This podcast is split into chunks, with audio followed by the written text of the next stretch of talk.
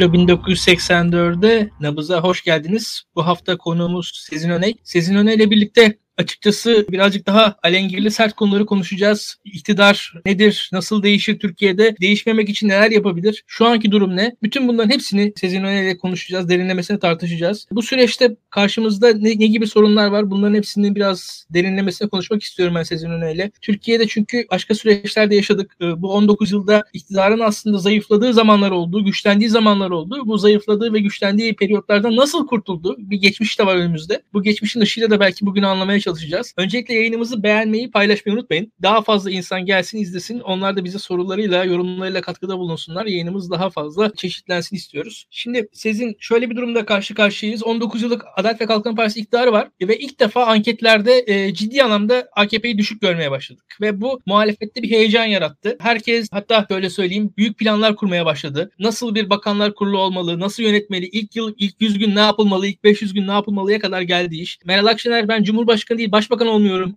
olmak istiyorum dedi. Aday tartışmaları, sistem tartışmaları falan ama daha önümüzde bir seçim var kazanılacak ve kolay değil bence. Biraz senle bunu konuşalım istememin sebebi şu benim. Bu iktidar aslında daha öncesinde bir yenilgi yaşadı. Yani biz bunu unut, unuttuk gibi. E, bu iktidar e, Haziran seçimlerinde yenildi 2015'te. Arkasından bu yenilgiden sonra muhalefet bir iktidar kuramadı. İktidar kuramayan muhalefetin sonucunda da başlayan şiddet olayları vesaire muhtemelen onların da etkisiyle Kasım seçimlerinde de bu iktidar çok daha güçlü bir şekilde geri döndü ve ondan sonra zaten biz işte 15 Temmuz'u yaşadık. Tüm olağanüstü halleri sık yani ve hukuksuzlukları yaşadık vesaire birçok şey yaşadı Türkiye. Çok daha sert bir sürecin içerisinden geldi. O Haziran seçimlerinden sonraki ben yani kendi Twitter timeline'ındaki arkadaş çevremdeki mutluluğu hatırlıyorum. Herkes çok mutluydu. Birçok sorunun hallolduğunu zannediyordu ama hallolmamıştı. Ve hani aslında tabii olan bir tane şey kötü değildi ama olan bir tane şey bizim zannettiğimiz kadar da her şeyin sonu anlamına gelmiyordu. Her şey bitmemişti. Biraz erken sevinç yaşadığımızı gördüm orada. Bugün de acaba erken bir sevinç yaşıyor muyuz, yaşamıyor muyuz? Ee, onu tartışalım istiyorum. Şimdi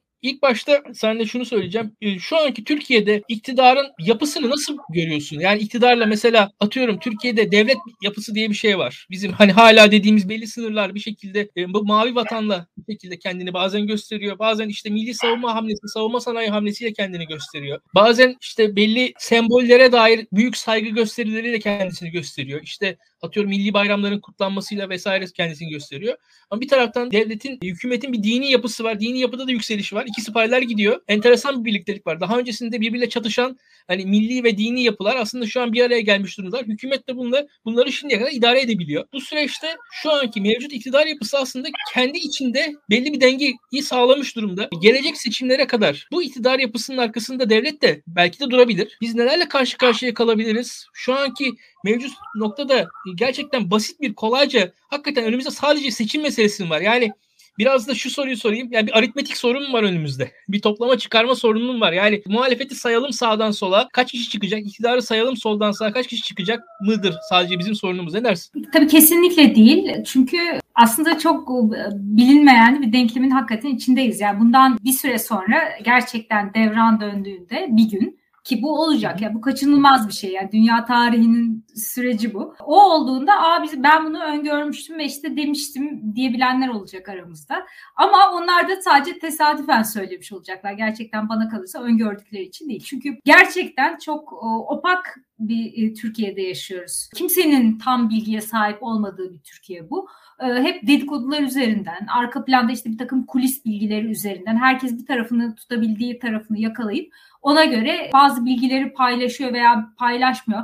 Hep de o bilgilerin de zaten böyle gizemli bir şekilde arka planı belli olmayan hallerde e, ortaya dökülmesi adeti de bir türlü orta bitmedi ya yani, ortadan kalkmadı. İşte şimdi de Sedat Peker'in aslında ifşaatlarına baktığımızda birden işte gündem gündemi hakikaten e, değiştirdi ve ciddi şekilde mesela Erdoğan'ın çevresindeki veyahut da yerine geçebilecek kişiler olarak e, sayılacaklara zarar verdi. Binali Yıldırım'a zarar verdi. Süleyman Soylu'ya zarar verdi. Bunlar AK Parti içinde hakikaten de Erdoğan sonrasını veyahut da Erdoğan'ın daha ileriye gidişini bir şekilde geleceğe uzanışını taşıyabilecek insanlardı veya onlar aslında Erdoğan'a bir şekilde e, bazı şekillerde köstek mi oluyorlar? Bunlar işte hep e, ortada sorular ve işlerin iç yüzünü tıpkı yakın tarihte olanlar hatta uzak tarihte olan birçok şey gibi de öğrenebilecek miyiz? Ne zaman öğrenebileceğiz? Bunlar hep müpem. O yüzden ya, Şimdi şöyle mesela sen öyle dediğin anda benim aklıma şu geldi. 15 Temmuz öncesinde Türkiye'de böyle Fethullahçılık konuşuluyordu. Her kurumdan tasfiyeler yapılıyordu. Biz hatta o zaman bir yazı yazmıştık. Ya her kurum konuşuluyor. TSK konuşulmuyordu. TSK'daki Fethullahçılık hiçbir şekilde konuşulmuyordu. Sanki yokmuş gibi yapılıyordu. Ya bu kadar ya sanki Türkiye'de hiçbir şekilde e, hani ordunun bir önemi yokmuş gibi bir şekilde Fethullahçılıkla mücadele ediyordu. O iki yıl boyunca hatta yani 2014-2015 falan o, o civarlarda. O sıra konuşulmuyordu. Nedir ne değildir. Sonra bir baktık ki bir anda bir belgeler geldi. Hava kuvvetlerindeki pilotların yarısı Fethullahçıymış bilmem. Hiçbirimizin haberi yoktu. Yani bir anda ortaya çıktı. Onu bilen birileri vardı belki. Ama bizim karşımızda, bizim elimizde öyle bir bilgi de yoktu. Tahmin ve iddia edenler vardı ama hiçbir zaman evet. bu bilgiler bence tam olarak kimsenin haiz olduğu bilgilerde değildi. E, Türkiye'ye dair istihbarat raporlarında ne geçiyordur nedir onları bilemem ama e, dışarıdan bakarak yorum yapmaya çalışan insanlar olarak aslında ben de mesela bazı şeyleri tutturduysam tüm bütün bu bilgileri bilerek değil bir takım ön sezilerle bazen e, veyahut da işte o zamanki bazı e, yakaladığınız havadaki ipuçlarıyla tahminler yapıyorsunuz ve bunlar tutabiliyor ama tutmaya da bilirdi. E, o, gerçekten de e, bundan işte 3-5 yıl sonraki durumla ilgili bir şeyler söyleyebiliriz veya bu sürecin ne, nereye evrileceğiyle ilgili. Ama tam olarak e, gerçekten bunu bilmek imkansız. Çünkü e, Türkiye'nin dengelerinin de e, çok bozulduğu bir dönemdeyiz. Yani bir yandan bir denge var hakikaten e, bahsettiğin gibi ama öte yandan da bu denge öyle bir denge ki e, bir şeyi iktidar açısından e, bakıldığında söylüyorum. Bir tek bir parçayı hafif yerinden oynatsanız ciddi de bir sarsıntı yaratabilecek gibi bir denge. Onun için mesela hep kabine değişiklikleri konuşuldu konuşuldu ama bir türlü de tam yapılamadı. Milli Eğitim Bakanı değiştirildi ama o hani aylar yıllardır konuşulan büyük kabine değişiklikleri de yapılamıyor. Çünkü oradan bir parçayı çektiğiniz zaman gerçekten bir değişiklik yapmaya kalktığınız zaman ki eskiden bunlar çok kolay yapılabiliyordu. Orada e, iktidar cephesinde bir sarsıntı yaratacak. E, keza aslında e, Cumhur İttifakı'nın geneliyle de ilgili böyle bir tablo var.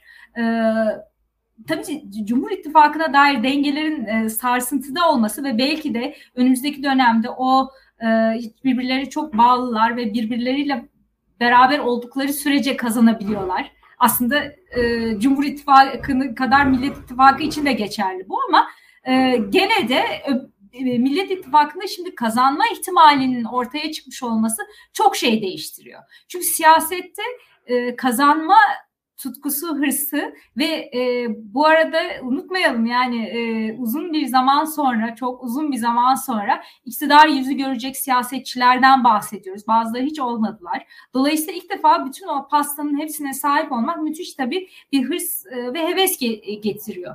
E, bunu e, hem işte CHP'de e, görmek mümkün. Abant kampı bence bunun çok hissedildiği bir yerde.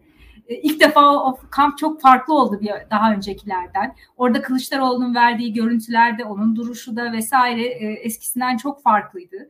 Çok daha özgüvenliydi. E, ama e, aynı zamanda İyi Parti'de de bunu görüyoruz. Yani Konda'nın araştırmasındaki e, rakamlara e, güvenecek olursak birebir yani alacak olursak her zaman istatik e, istatik e, söyleyemedim. İstatik sel bir hata payı da var. Yüzde bir iki. Yani orada geçen yüzde on dokuz rakamı e, pekala da e, yüzde on yedi de olabilir aslında.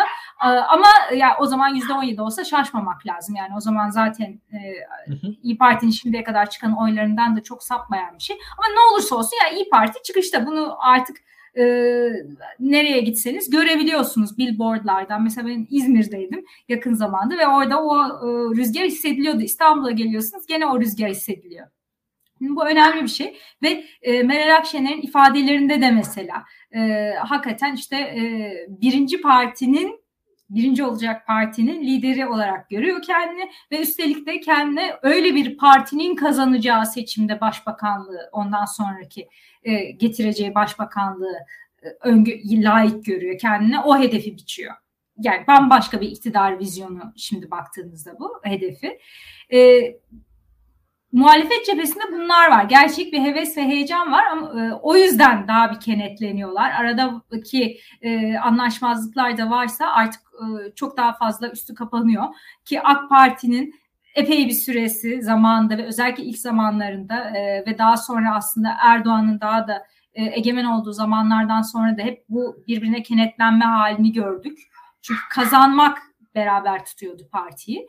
E şimdi e, muhalefette bunu görüyoruz. Ama öte yandan iktidarda da e, Cumhur İttifakı'nda da birbirlerinden ayrılsalar, biraz gevşeseler ve aradaki muhakkak olan anlaşmazlıklar vardır. Yani bu e, Türkiye siyasetinin anlaşmazlık olmaması çok iyi geçinmeler imkansız. Biz yıllarca Abdullah Gül ve Recep Tayyip Erdoğan'ın ne kadar ne kadar iyi anlaştığına dair masallarla yaşadık.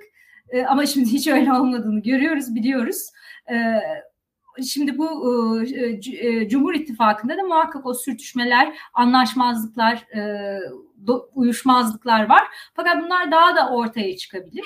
E, ve e, bu tabii bütün ittifak dengelerini, seçim hesaplarını, e, her şeyi e, değiştirecektir ister istemez. Ya e, şimdi Adalet ve Kalkınma Partisi'nde e, şöyle bir durum da var. E, hani lider öyle ya da böyle belli en azından orada. Aday da belli. E, belli gözüküyor en azından Tayyip Erdoğan. E, ve Tayyip Erdoğan'dan da e, yani Adalet ve Kalkınma Partililerin e, fikrine baktığınız zaman e, anketler kötü olsa da Tayyip Erdoğan ne yapar eder? E, halleder. Şimdi bu bir bakış açısı ve öyle bir bakış açısı ki e, geçmişte hataya götürdü. Şimdi geçmişte hataya götürdü derken hataya götürdü. İstanbul seçimlerini hataya götürdü. Şimdi birkaç yine e, şeytan avukatlığını yapayım tersten. Mesela Türkiye'de gezi olayları oldu. E, gezi olayları baktığınız zaman çok büyük bir sokak hadisesiydi. E, gerçekten de sokaklarda halk e, ciddi anlamda bir, büyük bir kitle ağırlığını gösterdi. Türkiye'de muhtemelen e, Türkiye tarihinde olmayan atıyorum Trabzon'da Çorum'da falan da halk sokağıydı. Çok enteresan bir şey oldu orada. E, ve evet. hani gerçekten de bir şaşkınlık yaşandı devlet tarafında. Ben öyle görüyorum. E, yani biraz e, sırf hadisenin kendisinden ziyade biraz büyüklüğüne bakıyorum yani öyle söyleyeyim. Biraz daha organizasyonuna hani o bir e, ham büyüklüğüne bakıyorum. E, ama şöyle bir şey var. Gezi olaylarından sonra hep denir ya ikinci gezi. Yani devlet ama ondan sonra öyle bir teçhizatlandı ki ya ikinci geziyi bırakın sokakta 10 kişi bir araya geldiği anda bir anda bin tane polis onun üzerine o kadar hızlı mobilize oluyordu olmaya başladı ki polis yani bir şekilde şu anki devletin elindeki işte surveillance teknolojileri bir şekilde hızla mobil olması polislerin sayısı e, finansmanı e, teçhizatı vesaire devlet bir şekilde güçlendi benim gördüğüm kadarıyla.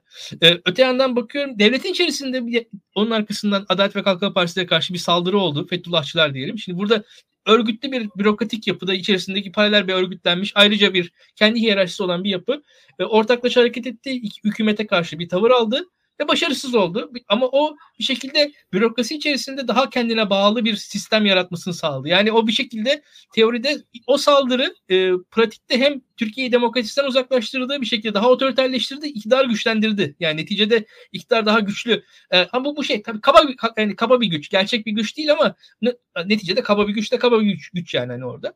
Bunun arkasından şuna geleceğim. Şimdi burada bir tane daha işte hatta bu 15 e, Temmuz'da ekleyebilirsiniz. 15 Temmuz'da da bir saldırı oldu iktidara. Bu saldırının sonucunda e, hani o Binali Yıldırım diyor ya Allah'ın lütfu.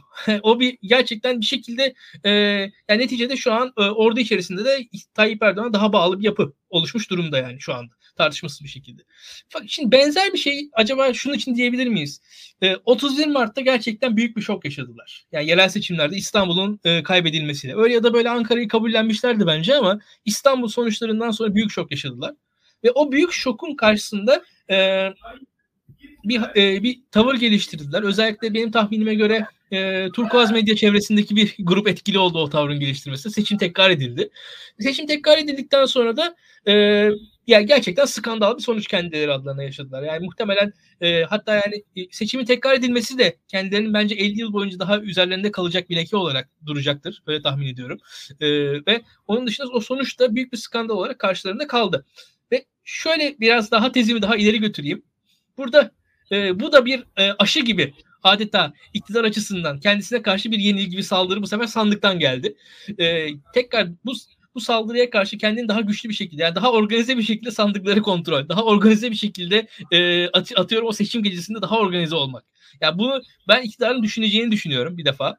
E, bir tarafı bu. Yani e, bir şekilde bugün nasıl bir yeni gezi olayı yaşanamazsa işte teknik olarak nasılsa bugün bir 15 Temmuz yaşanamazsa bugün de Türkiye'yi bir 30 Mart yaşanamaz hale getirebilir mi iktidar diye düşünüyorum.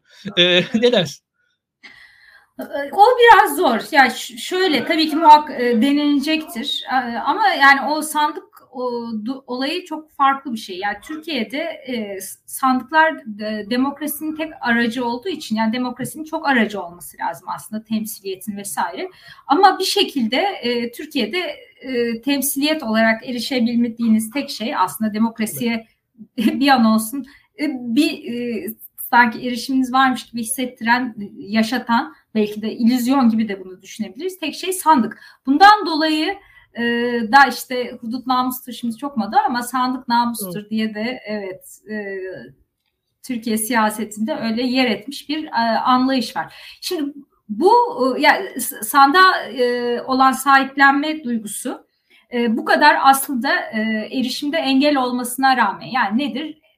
Birçok e, yani o bir, bir günde e, mobilize olup hakikaten herkesin böyle bu kadar farklı durumlarda ve birçok açıdan e, herhangi bir şekilde bir e, yol gitme, bir şey yapma, dışarı çıkma imkanı bile kısıtlı olabilenlerin ne bileyim engeller mesela e, veyahut da yaşı ilerlemiş insanlar veyahut da işte e, bir şekilde ikam, e, ikametgah dolayısıyla oy kullanamayacak. Bunlar, onlar dahi ne olursa olsun veya okuma yazma bilmeyenler e, sandığa erişmek için çok büyük bir e, irade gösteriyorlar. E, ki bu kadar büyük hep katılım oranları görüyoruz. Yoksa Türkiye'nin bu koşullarında aslında dünya genelindeki katılım oranlarına da baktığımızda çok daha düşük e, katılım beklenmesi gerekiyor. Ama burada hakikaten sandığa gidebilenler muhakkak gidiyor. Boykot mesela her zaman konuşuluyor Türkiye'de ama olmuyor bir türlü. Ee, bundan dolayı işte e, bir şekilde gene o sandığın gelmek zorunda kalacağını e, ve e, orada bir irade gerçekten yansıyorsa ucu ucuna çok ucu ucuna sonuçlardan bahsediyorsak eğer evet çeşitli enteresanlıklar olabilir. Hatta bu konuda işte iktidara yakın olmuş kamuoyu araştırmacılarının bile e, trafoya girecek kedilerden bahsettiklerini vesaire duyunca bazen şaşırıyorum şimdilerde yani yeni yeni. E, Dolayısıyla böyle bir güvensizlik elbette var. Ama hakiki e, hakikaten önünde durulamaz bir irade işte e, İstanbul e, seçimlerinde, ikinci seçimlerinde özellikle olduğu gibi kendini ortaya koyacaktır. Burada işte belki daha önemlisi yani o iradenin e, ge, ge, yansıyacağı sandığın ne zaman geleceği, ne şekilde gelebileceği. Şimdi o tartışmalar çok yapılıyor tabii. E, ve ben bunu birazcık da işte o e, seçim sancısına bağlıyorum. Yani ya, aslında 2010'dan beri sürekli referandumlarla işte yerel seçim, genel seçim, cumhurbaşkanlığı seçimiydi vesaireydi. O kadar çok seçim sandık e, üst üste geldi ki bugüne kadar aslında ortalamasına baktığımızda 10 ayda bir e, yani şimdi 2019'dan beri e, olmuyor ama 10 ayda bir sandık görüyordu Türkiye. Şimdi birdenbire o sandık enflasyonundan sonra aslında 2019'dan beri e, yapılamayan seçimler söz konusu. Yapılabilseydi çoktan yapılırdı. Ve hala da yapılamıyor ve ben önümüzdeki dönemlerde de bir erken seçim olacağına inanmıyorum. E, çok kolay bir şey değil bu iktidar için. E, o sonuçlarla da oynayabileceklerine emin olsa biz o sandığı bir şekilde görürdük zaten e, muhakkak o erken seçim tarihi bugünlerde artık belli olmuş olurdu. Ya e, zaten e, o açıdan şu, şu anki Türkiye'deki iktidar modelinde seçime ihtiyacı var iktidarın. Yani seçim yapmadan e, iktidar olamaz. Yani bu şu an hakikaten nasıl halkın bir şekilde bir e, hani sandık tecrübesi deneyim var ki orada da şöyle bir şey var. Mesela gerçekten ya Türkiye'deki demokrasi aslında o kadar genç bir demokrasi değil. Yani Türkiye Türkiye'deki demokrasideki sıkıntılar yani yaşından kaynaklanmıyor. Bizim belki ülkemizin sorunlarından kaynaklanıyor. Bizden daha genç, daha düzgün demokrasiler var dünyada. Ee, Türk halkı öyle ya da böyle hani yerel e, muhtarlık tarzı seçimlere bakarsak neredeyse 1800'lerin ortalarından beri bir, bir şekilde bir sandık kuruluyor Türkiye'de. Yani tam tam değil yarım şöyle böyle sopalı şu şöyle şeyli vesaire sıkıntılı ama bir sandık var. Bir sandık deneyim var Türkiye'nin iktidarın da e, sandığa ihtiyacı var. Sonuçta iktidarın kendi söylemi açısından dediğin gibi sandık lazım. Yani iktidarın kendi söylemi, kendi tutarlı açısından sandık lazım. O açıdan belki şöyle bir şey var. Hmm, yani o an biraz beni korkutuyordu. 15 Temmuz gibi bir hadiseden Yani biz şehitler verdik. O bir başka bir meşruiyet alanı oluşturabilir mi acaba diye ben düşünüyordum o sırada. Yani bir 15 Temmuz gibi biz sonuçta 15 Temmuz'da bir kan döktük. Kanımız döküldü. O bizim meşruiyet kaynağımız da denilebilecek bir şeydi aslında o. O biraz tehlikeliydi benim gözümde. Ee, o, o söylem bazen kullanıldı. Ee, o hatta yani karikatürize edildi bazıları tarafından. Belki ilk karikatürize edildi. Saçmalandı yani 15 Temmuz hakkında da. Ama çünkü o gerçekten de ucu biraz e, tehlikeli bir söylemdi açıkçası onu da söyleyeyim. Yani 15 Temmuz çünkü o farklı bir e, sandık dışı meşruiyet kaynağının ucu ucunu açan bir şeydi. O bir e, gerçekten de yani bir askeri belki de bir hani AKP şu an bir yeri fethetse falan da o meşruiyet kaynağı oluşur mesela. O da işin bir tarafı. Ee, bir de bir diğeri de gerçekten bir, bir diğeri de bu gerçekten bu neredeyse bir darbe önlemek de bir meşruiyet kaynağı. Yani sonuçta hani meşruiyet kaynakları ne olabilir derken işte yani ilahi meşruiyet kaynağı, e, savaşla bir yer kazanmak gibi bir şey meşruiyet kaynağı veya da sandık meşruiyet kaynağı. Yani farklı farklı benim aklıma gelen ilk meşruiyet kaynakları bunlar. E, biraz o, öyle düşünüyorum. Dediğin, dediklerin de, tabii haklısın. E, dahası şöyle bir şey var. Bu süreçte şimdiye kadar bu Adalet ve Kalkınma Partiler de hep şey diyorlar. Yani biz daha önce de seçimlere zor şartlar altında girdik. Ama tırnak içinde reis bir şekilde şapkadan çap, e, tavşanı çıkarttı. Bizi bu buradan e, kurtardı. E, Birçokları öyle. E, Tayyip Erdoğan'dan bir şey yapmasını bekliyorlar. E, hala onu bekleyenler var. E, bir kısmı e, belki başka planlara da girenler olduğu söyleniyor ilk defa. Yani orada ilk defa yani başka hikayeler acaba Hulusi Akar vesaire farklı figürlerin isimleri ilk defa söylenmeye başlandı. Daha alternatif. Zaten senin bahsettiğin yani Sedat Peker konusu hakikaten benim aklımda yoktu bu programda konuşmak için ama gerçekten de e, Sedat Peker konusu kendisinden bağımsız yani anlattığı hikayeden bağımsız olarak bu iktidar e, yani Tayyip Erdoğan sonrası iktidar bağlamında anlamlı ve çünkü birazcık daha geriye dönüp bakı, bak, bakıldığı zaman Sedat Peker'in kendisinin çok bir anlamı yok.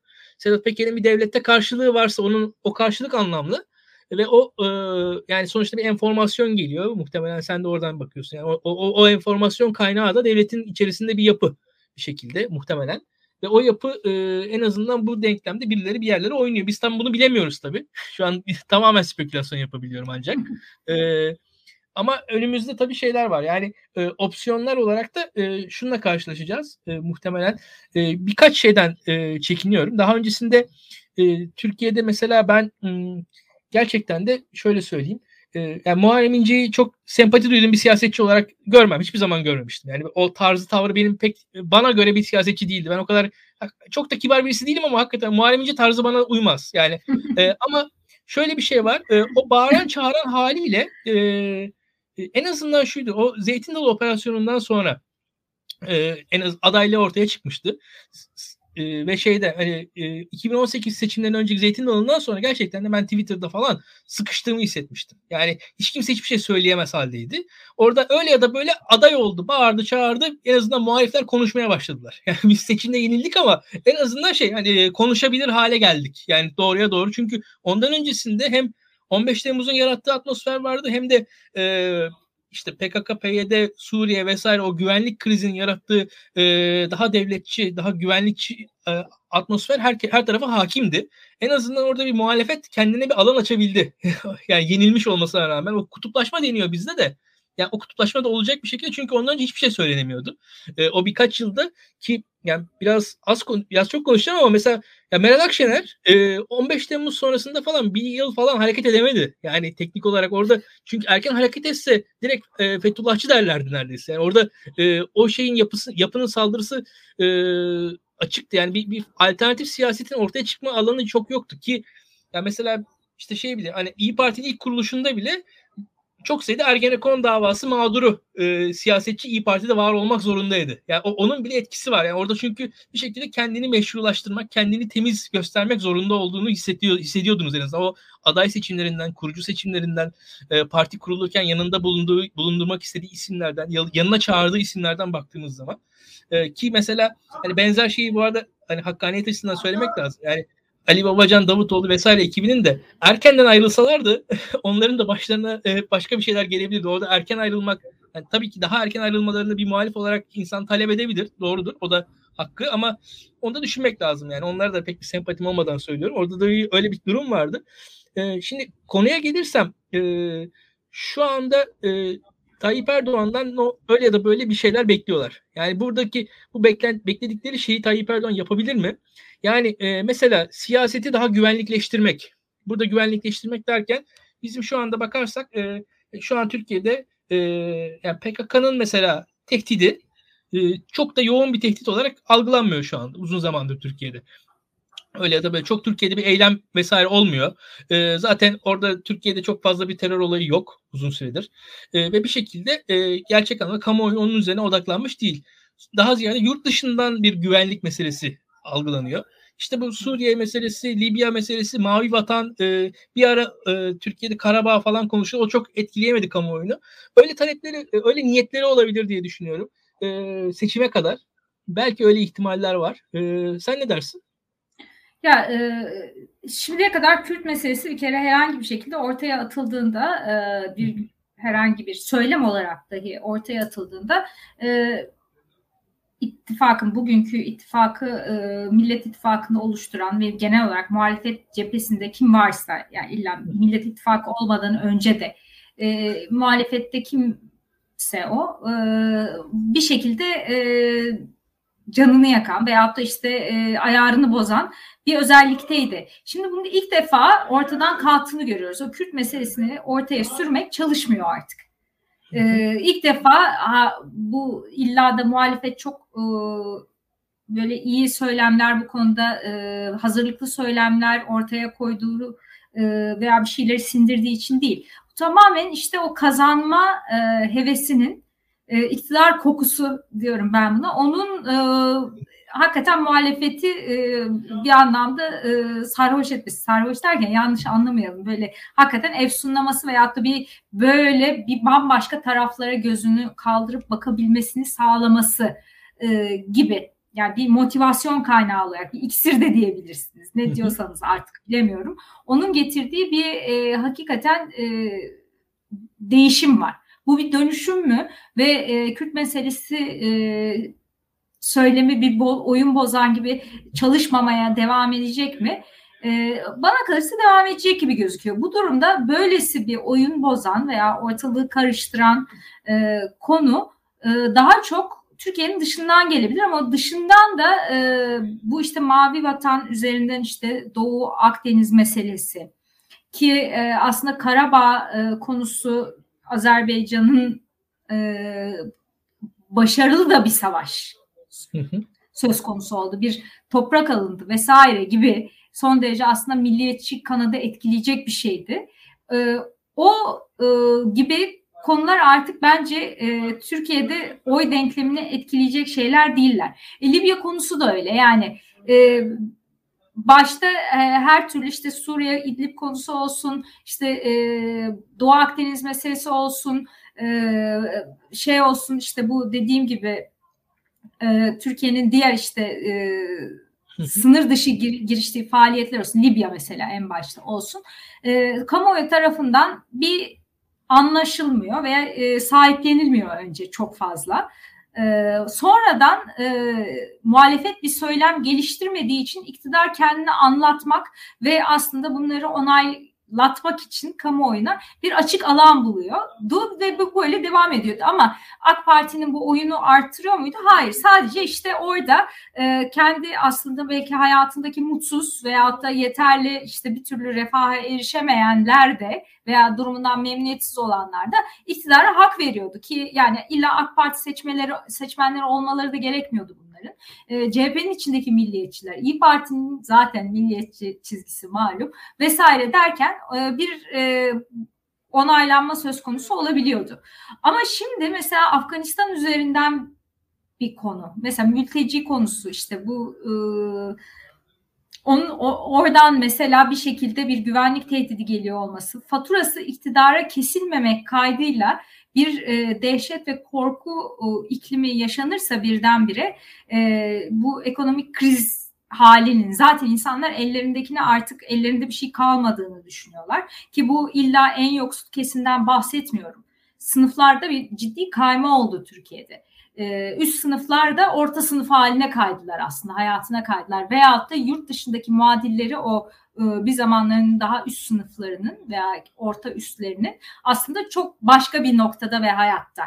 Ee, insanlar da bunun farkındalar. Herkes kaydığı için hepimiz birkaç sınıf aşağıya doğru böyle çekildiğimiz için e, bu ha, bugünün üst sınıfları da artık ya devamlı hesap yapıyorlar. Hesap kitap Tabii. yapmak durumundalar. Hayatlarında belki de ilk defa.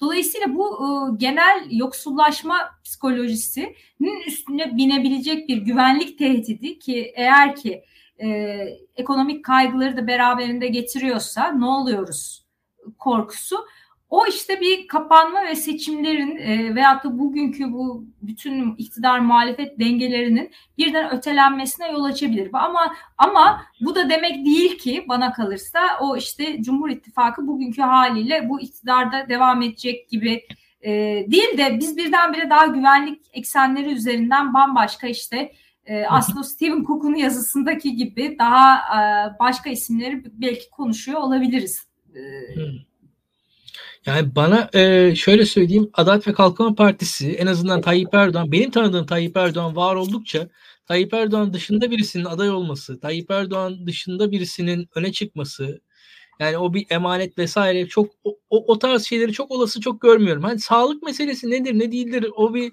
e, o, o da yine bilinmeyen bir spekülasyon. Tam anlamıyla bir spekülasyon. O, o alana girmenin de e, Bence de hiç hiç gerek yok ve ben zaten sağlık üzerinden düşünmedim ama e, daha çok e, benim düşündüğüm biraz e, durumların şartların e, getireceği şekilde mesela Putin'in e, bazen iktidarı devretmesi gibi vesaire veyahut da biraz daha geri plana çekiliyor gözükmesi gibi Rusya hmm. politikasında. O tarz bir şeylerden bahsediyorum ben. Yani tam olarak e, ya Erdoğan'ın sahneyi kendine göre tekrardan e, dizayn edebilmesi. Aslında bu işte AK Partilerin her zaman o şapkadan zaten tavşan çıkarılır. E, onların bekledikleri gibi çıkmayabilir de başka bir e,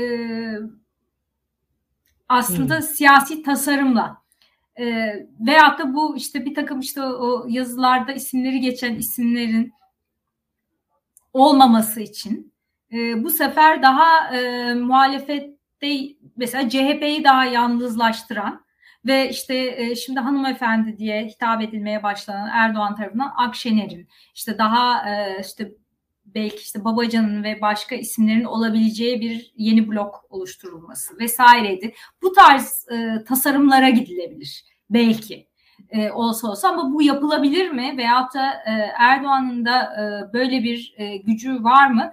E, bana çok mümkün gelmiyor açıkçası. Yani evet e, Erdoğan'ın e, tabii ki yani bu kadar yılın her zaman her şeye rağmen ayakta kalmaya başarmış ve iktidarda kalmaya başarmış siyasetçisi olarak e, ve e, bu işlerin de hakikaten ustası yani baktığımızda çünkü hep sahneyi kendine göre şekillendirdi şu veya bu şekilde. Her şeyi Erdoğan yaptı veya da yönetti gibi bir durum yok. Ama sahneyi her zaman kendine göre ayarlamasını ve sonuçlarını kendine göre e, o sonuçların kendine göre çıkmasını sağladı. Böyle bir evet siyasi yetenek derseniz buna böyle bir şey var. Şimdi tekrar bunu kullanabilir mi? İmkanlar çok zor ee, ama e, evet böyle de bir ihtimal e, düşük de olsa var. Ya e, şimdi bir defa Türkiye'de sen konuşmanın başında söyledin. Sandık bence Türkiye'nin muadili ülkelere göre bizde daha önemli. Yani ve hatta yani sandık popülerliği daha önemli. Yani şimdi mesela Almanya'da siz X insanı e, o konuma koyabiliyorsunuz ama Türkiye'de koyamazsınız. Türkiye'de o insanın belli bir popülaritesi de olması gerekiyor yani. O bir e, gerçekten sandık yani demokrasinin hepsinde sandık önemli ama Türkiye'de diğer Türkiye diğer şeyler olmadığı için bizdeki sandık çok çok daha önemli bence bir tarafı o. Yüzden mesela o e, Erdoğan yerine işte başka bir figür gelir e, dediğiniz anda oradaki figürün de bir oy alması gerekiyor. Yani o bir o, o, ihtimal olmadan da nasıl olacak onu ben çok şey yapamıyorum yani onu onu ben de o, o, o tezleri okuduğum anda karşımda o şey geliyor. Çünkü Türkiye'de e, siz yani bir teknokrat e, işte kendinizce bir emaletçi teknokrat birisine onu devrettiğiniz anda o hikaye tamamen değişiyor. Yani e, işte bahsettiğim mesela Putin Medvedev gibi mesela bir hikaye Türkiye'de olabilir mi? Zor yani çok olası gelmiyor ki e, Tayyip Erdoğan Abdullah Gül de olmadı. Yani e, o, o hikaye bile yarı yolda kaldı ki kalır. E, onu, onu, onu Tayyip Erdoğan'ı gördü zaten bence ki Ahmet Davutoğlu hikayesi de kaldı yarı yolda. E, benzer hikayenin gene kalacağını görecektir diye tahmin ediyorum. O, o tarz dönüşümler bence zor. E, dediğin bağlamda e, yani güvenlik meselesinde ben hala e, bir sürpriz bekliyorum. Belli olmaz Türkiye'nin sonu. Yani e, ben orada biraz daha çekingen birisiyim. E, çok şey değilim ama e, özellikle senin anlattığın ekonomik kriz gerçekten e, tartışmasız çok büyük. Önümüzdeki yani şu an yaşadığımız en büyük fenomen. Yani burada işte bizi izleyen herkes de yaşıyor onu. Çok bizim onları anlatmamıza da gerek yok. Yani herkesin hayatında yaşadığı şey. Herkes kendi boyutuna göre yaşıyor onu. E şimdi burada şöyle bir şey var. Peki bu ekonomik kriz dediğiniz anda e, şöyle bir şeyle karşılaşıyorsunuz. Bu ekonomik krizi kim çözecek? E, muhalefet bunu çözecek kişiyi ortaya çıkartırsa e, o zaman da muhalefetin anlattığı, şu an bizim muhalefet dediğimiz yapıda e, zaaf nedir? E, parçalı olması bu zaafı birleştirecek şey nedir? Parlamenter sistem gibi sistem değişikliği vesaire. E, en azından sistem değişikliği önerisi daha e, ne diyelim daha sembolik bir cumhurbaşkanının olacağı, e, Türkiye'nin parlamenter sisteme geçeceği bir e, düzen e, fikri. Ben o kadar çok bu parlamenter sistemin çok dehşetli bir savunucusu değilim kendi adıma. Ama e, şu an muhaliflerin çoğunluğu bunu istiyorsa ona itiraz edecek bir gücüm de yok. Tamam savunsunlar. E, ama şöyle söyleyeyim seçimi kazanacak liderin e, seçimi kazanacak bir liderin ben en azından ben ekonomiyi çözerim diyen insanın seçimi kazanabileceğini düşünüyorum bir taraftan. Yani orada bir irade ko- koyan, bir iradesi olan bir insanın seçim kazanma ihtimali daha yüksek olduğunu düşünüyorum. Yani bir atıyorum e, işte bir Avrupa İnsan Hakları Mahkemesi yargıcını e, bir aday olarak koysanız e, Cumhurbaşkanlığına muhtemelen Türkiye'yi parlamenter sisteme doğru çok güzel taşır. E, ama seçim kazanır mı? Çok emin değilim. Yani atıyorum mesela Sami Selçuk profilinde birisini Cumhurbaşkanı adayı gösterseniz e, öyle bir profil Türkiye'yi parlamenter sisteme, demokrasiye vesaire Avrupa Birliği hedeflerine vesaire taşıyabilir ama e, seçimi kazanabilir mi? Zor görüyorum yani hani orada da e, öyle ya da böyle bir iradesi olan bir e, seçim kazanma e, kapasitesi olan liderin de ekonomi konusunda fazla şey söylemesi lazım. Muhalefetin orada bir kendi iç çelişkisi var gibi geliyor. Ne dersin? Ya o zaman mesela biz Babacan'ın oyunda hem çıktığı e, andan itibaren büyük bir yükseliş görebilirdik yani.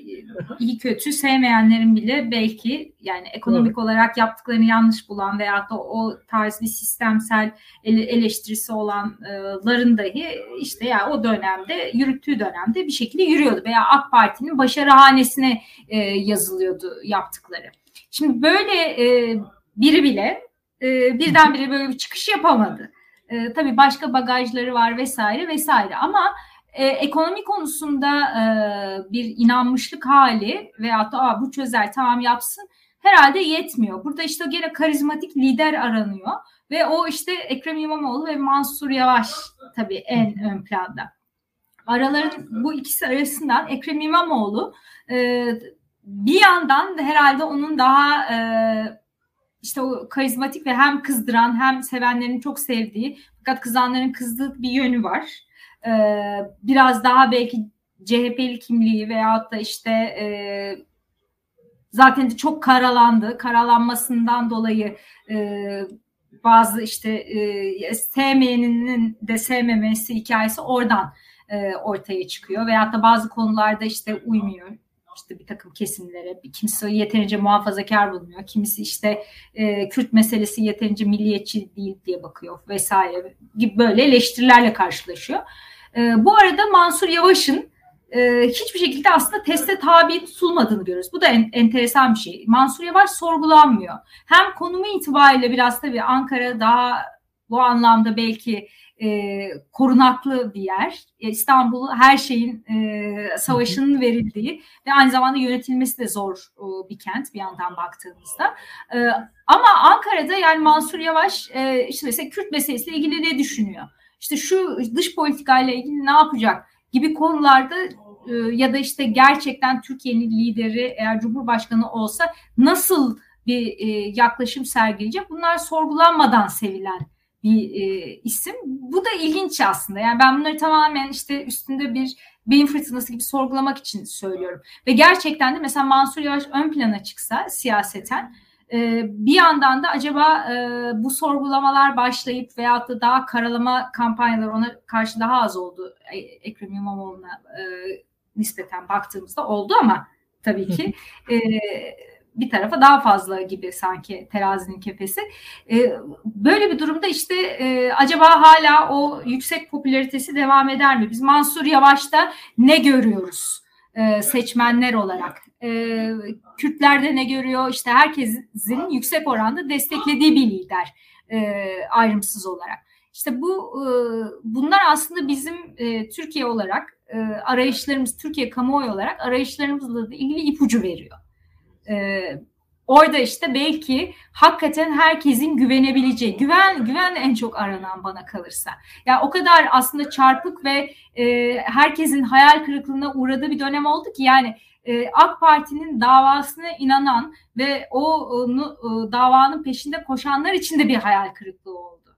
E, herkes de böyle bir şey yaşanıyor bakıldığında. E, ortaya çıkan yolsuzluk skandalları olabilir, yerine gelmeyen vaatler olabilir, e, edinilemeyen pozisyonlar olabilir. Bir şekilde herkesin e, AK Parti'nin çok e, fanatik hala e, hiçbir şekilde gözü başka şeyi görmeyen destekçileri dışında herkesin hayal kırıklığına uğradığı bir zamandan bahsediyoruz.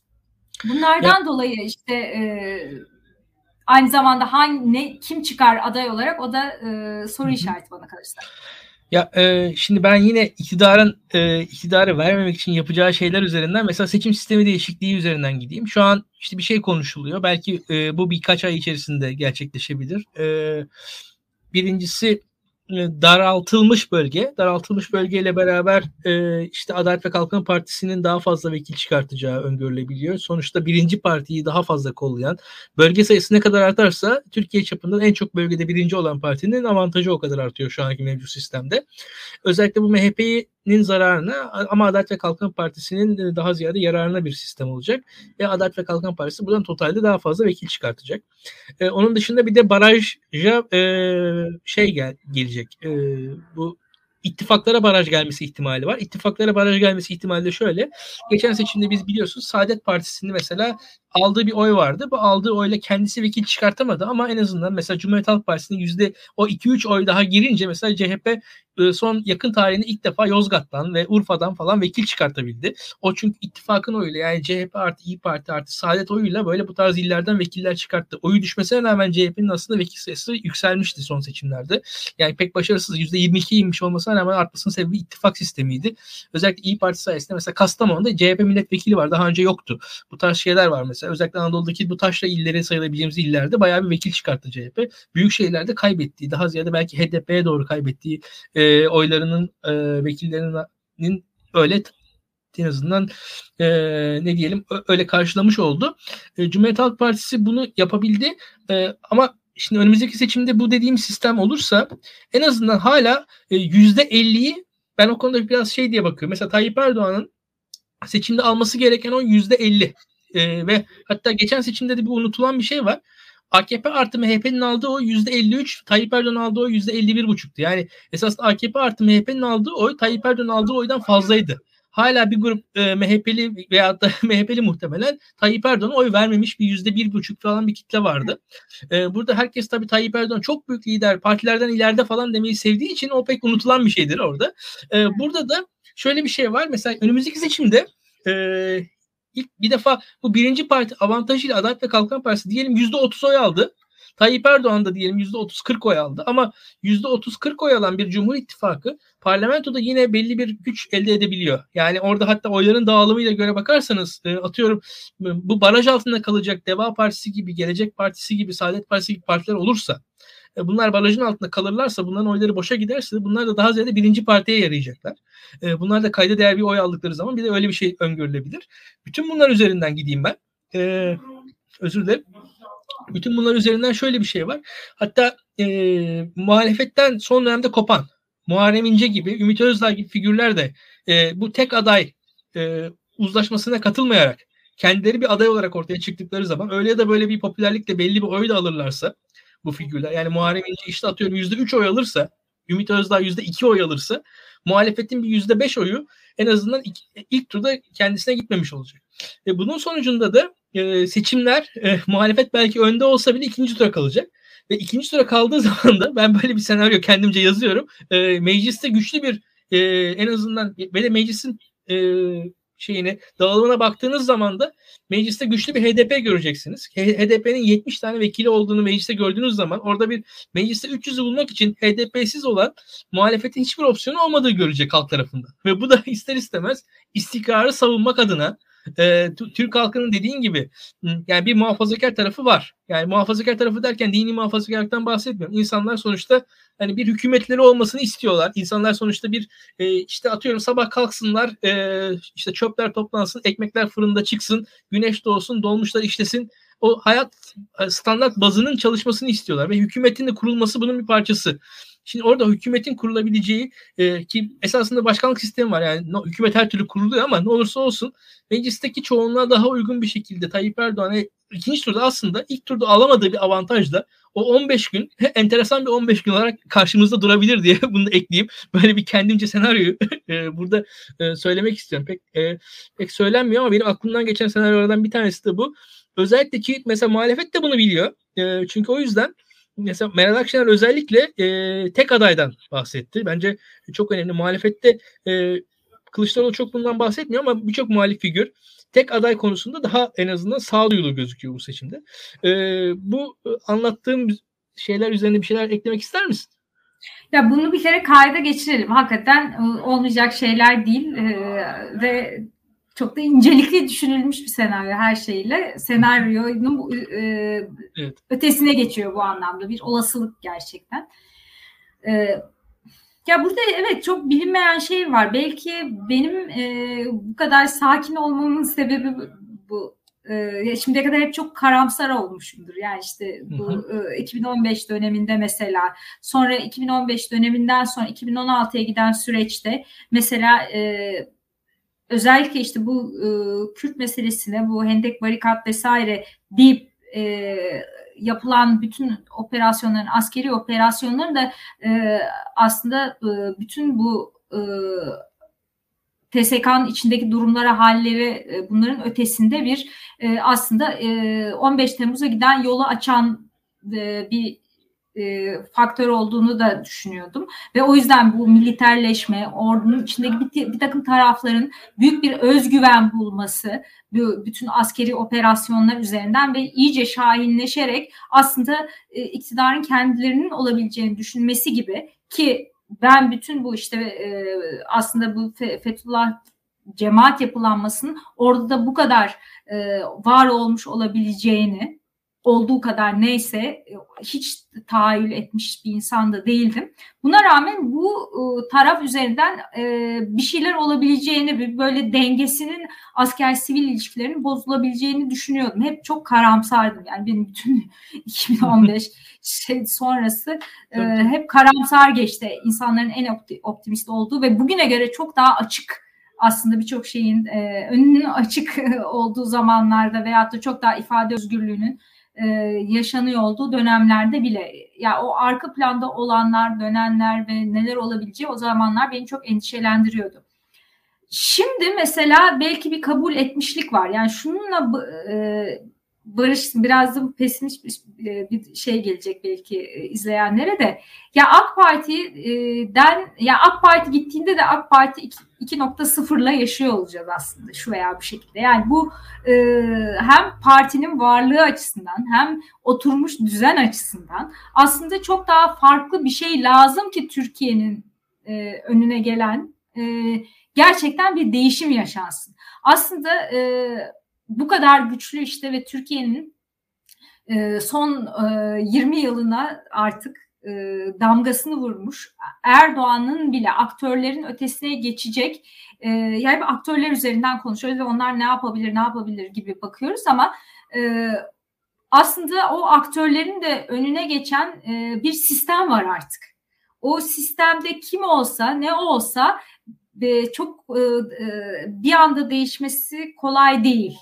E, ve e, o partiler, o e, insanlar, e, biz ümit verici bir takım isimler veyahut da daha e, politikacılar görsek dahi veya liderler işte neyse insanları motive eden e, o sistemin aslında bence dönüşüm açlığını yansıtıyor.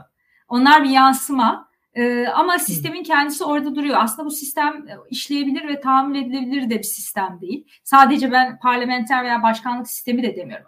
Her şeyin kurulu olduğu bir aslında rant çıkar düzeni var ve bütün ilkelerin e, erozyona uğradı. Ancak hakikaten bütün partiler değişebilirse ve bambaşka bir siyasi vizyon ön plana çıkabilirse gerçek dönüşüm yaşanır. Bu da hemen işte bir seçimle vesaire olacak bir şey değil. Bu dinamikler bizim şu an öngöremediğimiz bambaşka e, şekillerde ortaya çıkabilir. E, ve hmm. birdenbire o dönüşüm hızlanır ve biz işte hep konuşulan 2023'e gerçekten bambaşka bir ruhla giriyor olabiliriz. Ee, ama o 2023'e o ruhla girilse, yepyeni liderler daha ortaya çıkabiliyor e, olsa veyahut da var olan bugün işte ümit veren insanlar hakikaten sistemi değiştirebilecek yepyeni vizyonlar ortaya koysalar hakikaten.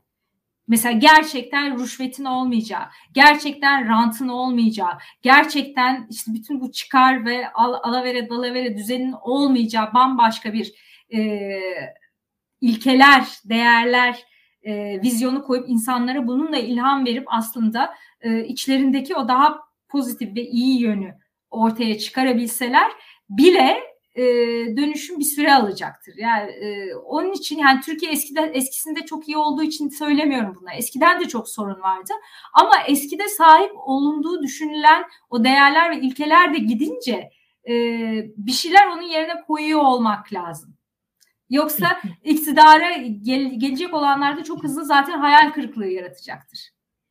Ee, yani zor hakikaten bu anlattıklarının sonucunda e, şöyle iktidarın e, iktidar değişse de Türkiye'de e, Türkiye'de dediğim gibi sistemin normları var. Sistemin normları var, sistemin sınırları var. Orada e, belli ilkelerin yani ilke de demeyelim bunlara da e, belli sınırın dışına çıkamıyorsunuz. Muhtemelen yeni kurulacak hükümet de eğer kuruldu, kurulursa e, o normların dışına çıkabilir mi?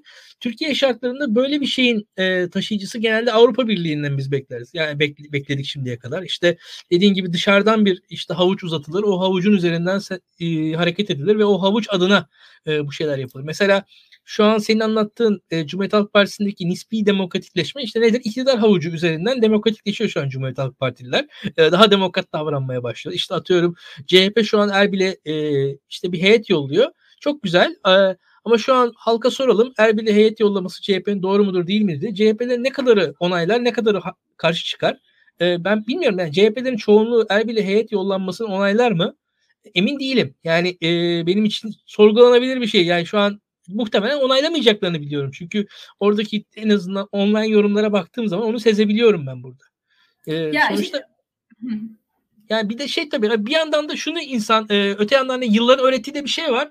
E, insanlar çok fazla süper kaliteli melek e, tabiatlı insanlar oldukları için demokratlaşmıyorlar. Demokratlaşmak da sonuçta şöyle bir şey hani e, sonra fark ediyorsun ki e, otoriterleşecek gücün yok bir defa. En azından o. Onun arkasından e, karşındakini yok edecek kadar kuvvetli asla olamayacaksın ve zarar vermen sana fazla sana daha fazla zarar verecek. Yani bugün öyle ya da böyle CHP'ler fark edecekler ki Kürtlere zarar vermeleri onlara daha fazla zarar veriyor aslında. Veyahut da Kürtler açısından da CHP'ler bu şekilde karşılıklı bir e, birliktelik yaşanıyor ki ben bunları hep klasik örneğim şeydir. Yani mesela laikliğin ortaya çıkışında Avrupa'da insanlar dinden uzaklaşmadılar o sırada. Yani birbirlerini öldüremediklerini fark ettiler. Öldüre öldüre bitmediğini Katoliklerle Protestanların fark ettiler. O yüzden, fark ettiler. O yüzden laiklik daha ziyade yükseldi. Yani burada e, bir şekilde ortak yaşam e, bir zorunluluk halinde ortaya çıktı. Yani orada bir e, kamil insanın ortaya çıkıp e, bir şekilde bir idrak seviyesinin yükselmesi sonucunda ortaya çıkmadı.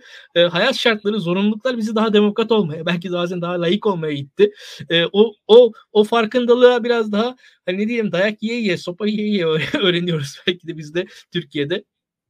Bilmiyorum yani Evet aslında biraz belki önümüzde de bir e, yani gerçekten bir seçimler sonrası olası iktidar değişikliği ki e, kötü pesimist senaryoların hiçbiri olmaz ve hakikaten hı hı. Türkiye böyle bir e, barış içinde e, iktidar değişikliği yaşarsa aslında biz bunun e, örneğini laboratuvar deneyini diyelim İstanbul seçimleri ve Ankara'daki belediye başkanlıkları ama özellikle İstanbul e, hem süreci hem sonrası açısından yaşadık yaşıyoruz. Bugün İstanbul nasılsa veya Ankara nasılsa aslında bir iktidar değişikliği de e, ve sonrasında yaşa, yaşanacaklar da biraz öyle olacak. Ya İstanbul bir anda dünyanın en işte gülük gülistanlık yeri veya bütün o e, negatifliklerini e, her türlü e, olmayacak şeylerini atmış da değil veya AK Parti burada silinmiş de değil. E, ama e, bir şekilde işte farklı bir yapı iktidarda gibi. E, Biraz Ama o, bir yandan da insan aklına şey geliyor e, Sezin yani e, daha bugünlerde biz Adalar iskelesindeki e, vakıfın çıkartılmasını gördük. Orada zabıtayla polis karşı karşıya kaldı. Yani hayat zor. o açıdan hani İstanbul tabii orada aslında tabii bunların üstünde bir tane şey var bambaşka yani tabii İstanbul'un da Ankara'nın da tabii üstünde bir iktidar var. O zaman asıl iktidar kim olacak? Belki mesele o seçimlerin ötesinde Türkiye'nin iktidarı kim olacak? Ya yani o devlet yapısı dediğimiz veya o devlet yapısını yönettiğini düşünenler kimlerse e, bir takım bürokratlardan tutun bir takım işte e, güçlü figürlere ki onlar bence yeni bir hükümet veyahut da iktidarda da yerlerini bulabilirler belki onlara çok daha fazla e, o devlet işleyişinde bir yaslanma durumu olacak. E, asıl sistemi onlar yürütüyor olacaklar gibi bir şey de olabilir. Yani bu e, iktidara e, yeni işte mu, şimdiki muhalefetin alışma döneminde. Bir de yani ben hakikaten muhalefetin önündeki en büyük tehlike olarak bütün bu işte trafodaki kediler veya işte Kılıçdaroğlu'nun bugün vurguladığı o kaotik e, gizemli işte ya gizemli derken hiç iyi anlamda bir gizemden bahsetmiyorum. İşte faili meçhullerin olduğu işte Türkiye'nin ne oluyoruz gene hep bir korku var ya bir böyle gerilme hali ve e, korku bir anda korku ve dehşet e, düzenine geçiyor olma onu e, izleyicilerimiz çok iyi hissedecektir. Bir anda tüyleri ürpererek kalkma, bir e, cadı avının başlaması, bir e, ko- dehşet verici bir olayın yaşanmasıyla vesaire yaşanan bir gerilme hali vardır ya onların uzatılmış olarak yaşanacağı bir dönemin e, olmadığı durumda bile e, iktidarın e, şey muhalefetin bence en büyük e, önündeki sınav onlar değil. Yani onların çünkü olabilme ihtimalini geçmiş zamanlar biraz daha düşük görüyorum.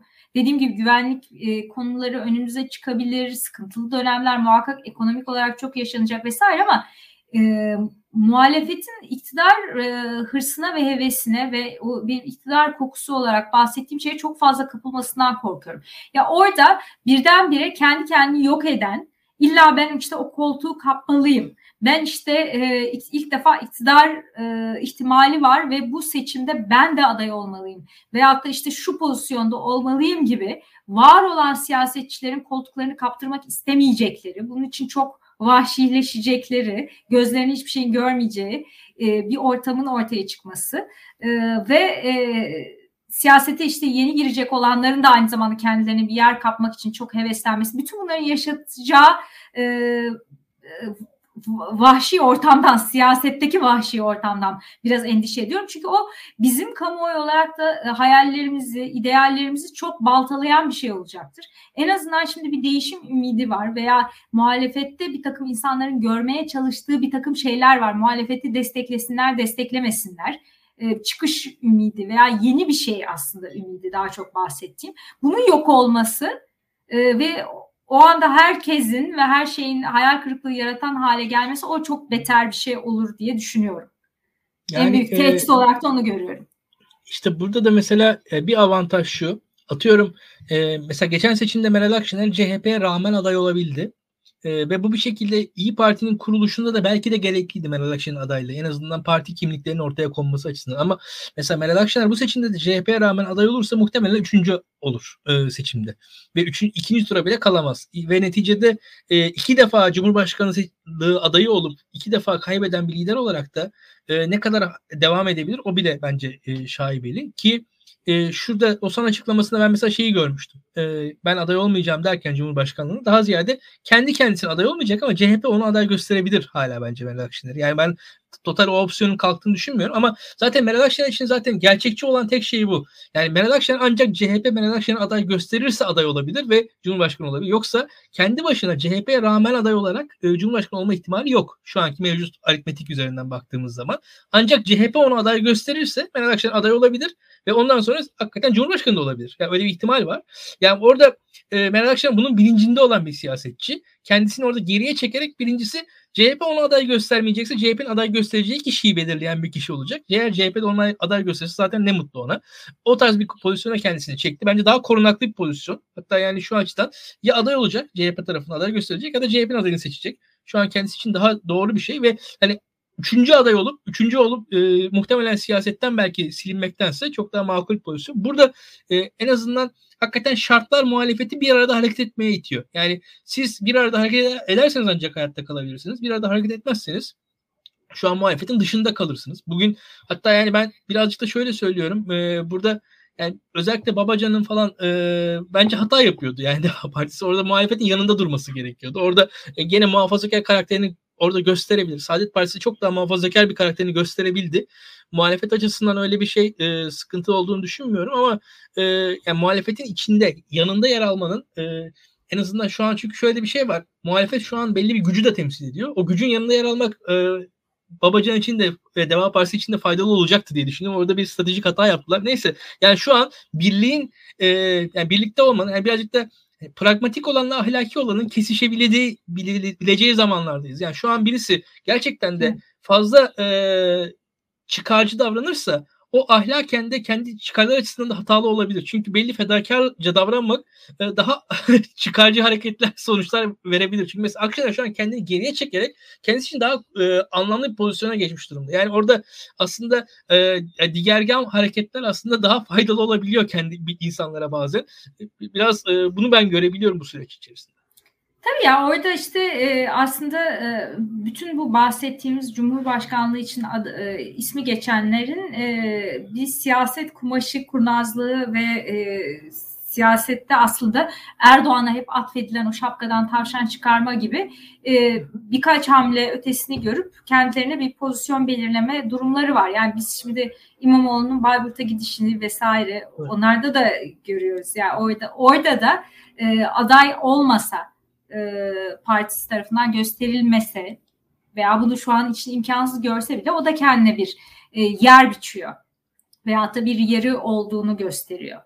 E, dolayısıyla yani hatta işte bu seçimlerin bir, bir şekilde e, siyasetten veyahut da genel olarak güvenlik bakımından kaotik olması durumunda belki de kendini daha korunaklı duruma hale alıp bütün bu tartışmaların da ötesinde ama çok da popülaritesi olan biri olarak İmamoğlu veya Yavaş kendilerini konumlandırıp adaylığı başkasına bırakıp ama e, çok daha büyük başka şeylere daha sonrasında oynuyor olabilirler. Çünkü önleri de zaten özellikle İmamoğlu'nun yaşı bakımından da biraz e, daha avantajlı.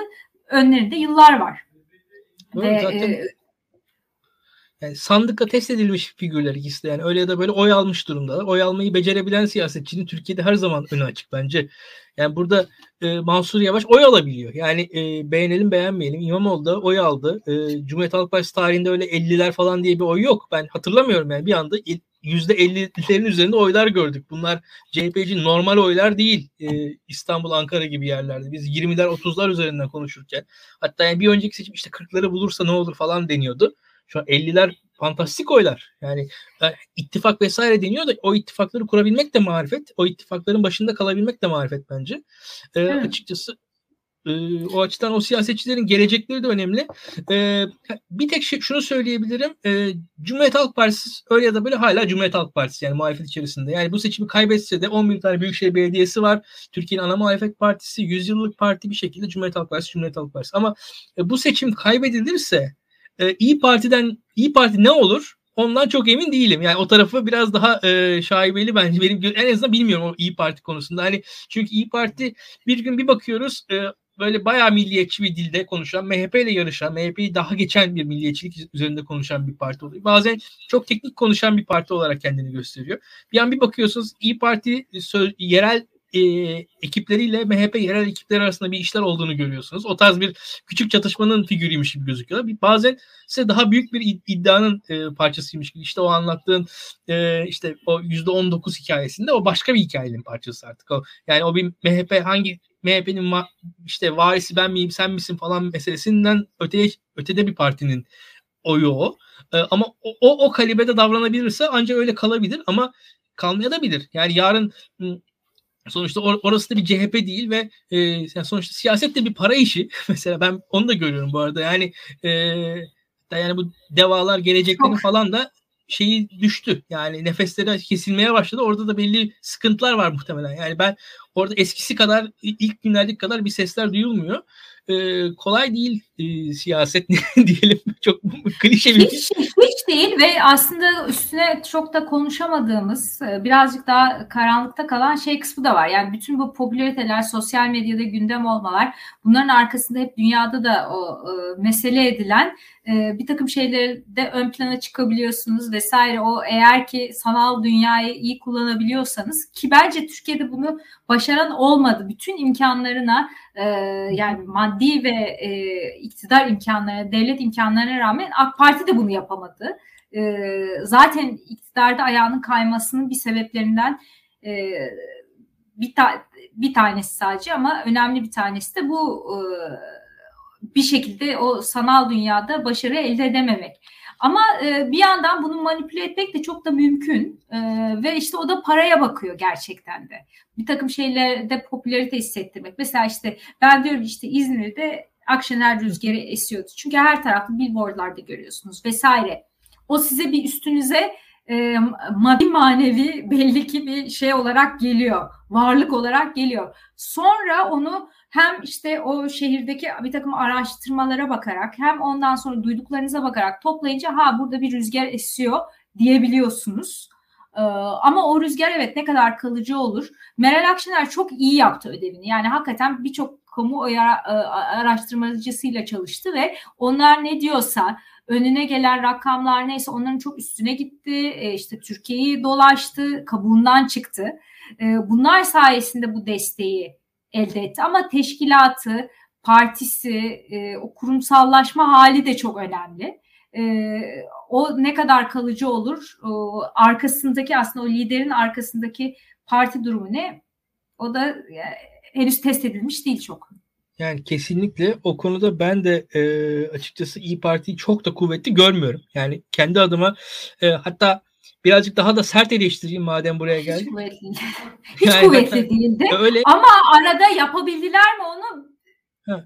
bilmiyoruz. İşte mesela hani en son örneği mesela şeydi ben şunu hatırlıyorum. E, son yerel seçimlerde İyi Parti'nin kazanma ihtimali olan yerlerden bir tanesi diye herkes Mersin'i söylüyordu. Aday gösteremediler. Yani e, bu kadar büyük bir skandal o İyi Parti'de yaşandı ve bunun arkasında o aslında teşkilatın ne kadar kırılgan olduğunu gösteriyordu. Şimdi onun sebeplerine girmeyeyim çok insanları üzmeyeyim ama yani mesela Mersin gibi bir yerde İyi Parti düşün yani milliyetçi bir şehir. İyi Parti'nin orada zaten belediye başkanı neredeyse İyi Parti'den de e, transfer olmuş. Aday olamadı. Yani e, o kadar fanta esasında korkunç bir şey bir parti açısından. E, şimdi orayı CHP kazandı diye çok da fazla konuşulmuyor ama e, ve şöyle bir de şeyler bakarsanız ben mesela ben İzmirliyim. Şimdi Menemen Belediye Başkanı İzmir'de e, işte yolsuzluktan CHP'li alındı. E, Menemen Belediyesi'nde tekrar yeni belediye başkanı seçilecekti. İyi Partili meclis üyeleri Adalet ve Kalkınma Partisi'ne oy verdiler. Yani şimdi bu bu tarz e, ve bir anda bir ilçe Adalet ve Kalkınma Partisi'ne geçti. Yani orada e, bu, bu tarz şeyler gerçekten skandal aslında yani teknik olarak baktığınız zaman. Şimdi çok Türkiye siyasetinde konuşulmuyor ama o, o örgütün ne kadar kırılgan olduğunu gösteriyor size. Tabii. E, ya işte Akşener hep bu işte rakamları, e, araştırmaları önüne alıp o anlamda Türkiye'den önce bir partisini e, yönetmeye ve e, çeki düzen vermeye çalıştı. Ama imajına da çok önem verdi. İşte orada ne kadar teşkilatın ve partinin düzelmiş olması etkili, ne kadar e, Meral Akşener'in bütün imajına kendinin ne olduğuna e, ve Türkiye'yi ve partisini yönettiği algısını yaratmanın etkisi olduğunu çözemiyorum. Onu bilmiyorum. Yani bu dediğim gibi bilinecek bir şey de değil, test edilerek ancak yaşanarak gözlenebilecek bir şey. Doğru. Yani tamamen katılıyorum açıkçası. Biz e, yalnız sizin e, 1 saat 11 dakika oldu. Evet. Daha böyle konuşur konuşur devam ederiz sabaha kadar. Evet. İsterseniz şöyle söyleyeyim. Pijamalarınızı giyip gelin yani. Kesinlikle öyle. Biz sizinle başka bir zaman tekrar konuşuruz. Muhtemelen bu adaylık süreçlerini tekrar değerlendiririz. Çünkü önümüzdeki günler içerisinde ben e, belki bir işte yasa değişikliği vesaire bu seçim sistemine dair olabilir. Özellikle bizim önümüzde e, bize konuşacak bir zemin sağlayabilir. Çünkü öyle ya da böyle mesela sizin anlattığı gibi yani şu anda mesela seçim yasası değişikliği bile neden bugüne kaldı? Çünkü her yasa değişikliği aslında seçmene verilecek bir sinyal. O sinyali vermekten de korkuyorlar. Yani o bakanlar kurulu değişikliğinin olmaması gibi aslında. Yani o kadar çok net bir kararlılıkla ortaya çıkıp bizim dediğimiz şudur budur denemiyor. Mesela başkanlık sisteminde mesela başkanlık sistemini tercih etmek mesela ben %50 alırım iddiasını ortaya koymak demek aslında. O tercihi yaparken de kazanıyorsunuz siz. Yani o, o tercihi yaptığınızda seç, halka diyorsunuz ki ben %50 alam, alabilirim ben ona inanıyorum diyorsun. Şimdi bu dediğim sistem değişikliğini yaparsa mesela az önce anlattığım işte barajı %7'ye indirdiğiniz anda MHP ben %10 alamam diyor. Yani o teknik olarak onu söylemiş oluyor halka. E, halk da bunu dinliyor. Yani sonuçta halkın da bir algısı var. O algının da etkisi olacağını düşünüyorum. Yarın bir gün hani biz şey diyoruz mesela bazen yaptığımız hareketleri öngörebiliyoruz ama yaptığımız hareketlerin o hareketlerin yaratacağı reaksiyonları çok öngöremiyoruz bu siyasette. Yani en azından o halkta nasıl bir karşılık bulacak tam da öngörülemeyecek. E, yapsınlar bakalım biz sonra konuşalım diyelim. Ya ee, evet İttifak yasası mesela neler doğurdu yani hiç beklenmeyecek sonuçlar doğurdu. O yüzden biraz da herhalde yeni siyasi mühendislikler yapmanın yani, travması ya şöyle, var. Sizin e, şöyle düşünsene e, yerel seçimlerden önce herkes neredeyse tüm birçok siyasi analist şey diyordu. İyi Parti'nin adayı olan yerde CHP seçmeni İyi Parti adayına verir. CHP adayı olan yerde İyi Parti seçmeni CHP adayına vermez o kadar. Yüzde yüz vermez diyordu. O da eski bilgiyle. Eskiden doğruydu bu. Ama şu var arada İyi Parti'nin başına o kadar şey geldi ki İyi Parti seçmeninde verdi yani oyunu. Evet. Yani neticede yeni zaman, yeni hal, yeni durum onun şartlarında yeni bir e, tavır da gel- geliştiriyor ortada. Yani mesela İyi Parti seçmeni daha öncesinde CHP ile MHP arasındaki ilişkideki MHP seçmeni gibi davranmadı. Yani İyi Parti seçmeni aslında o eski MHP seçmeni değil. Yani birçok açıdan o eski MHP seçmeni belki ama tavırlarıyla, hareketleriyle aynı seçmen değil.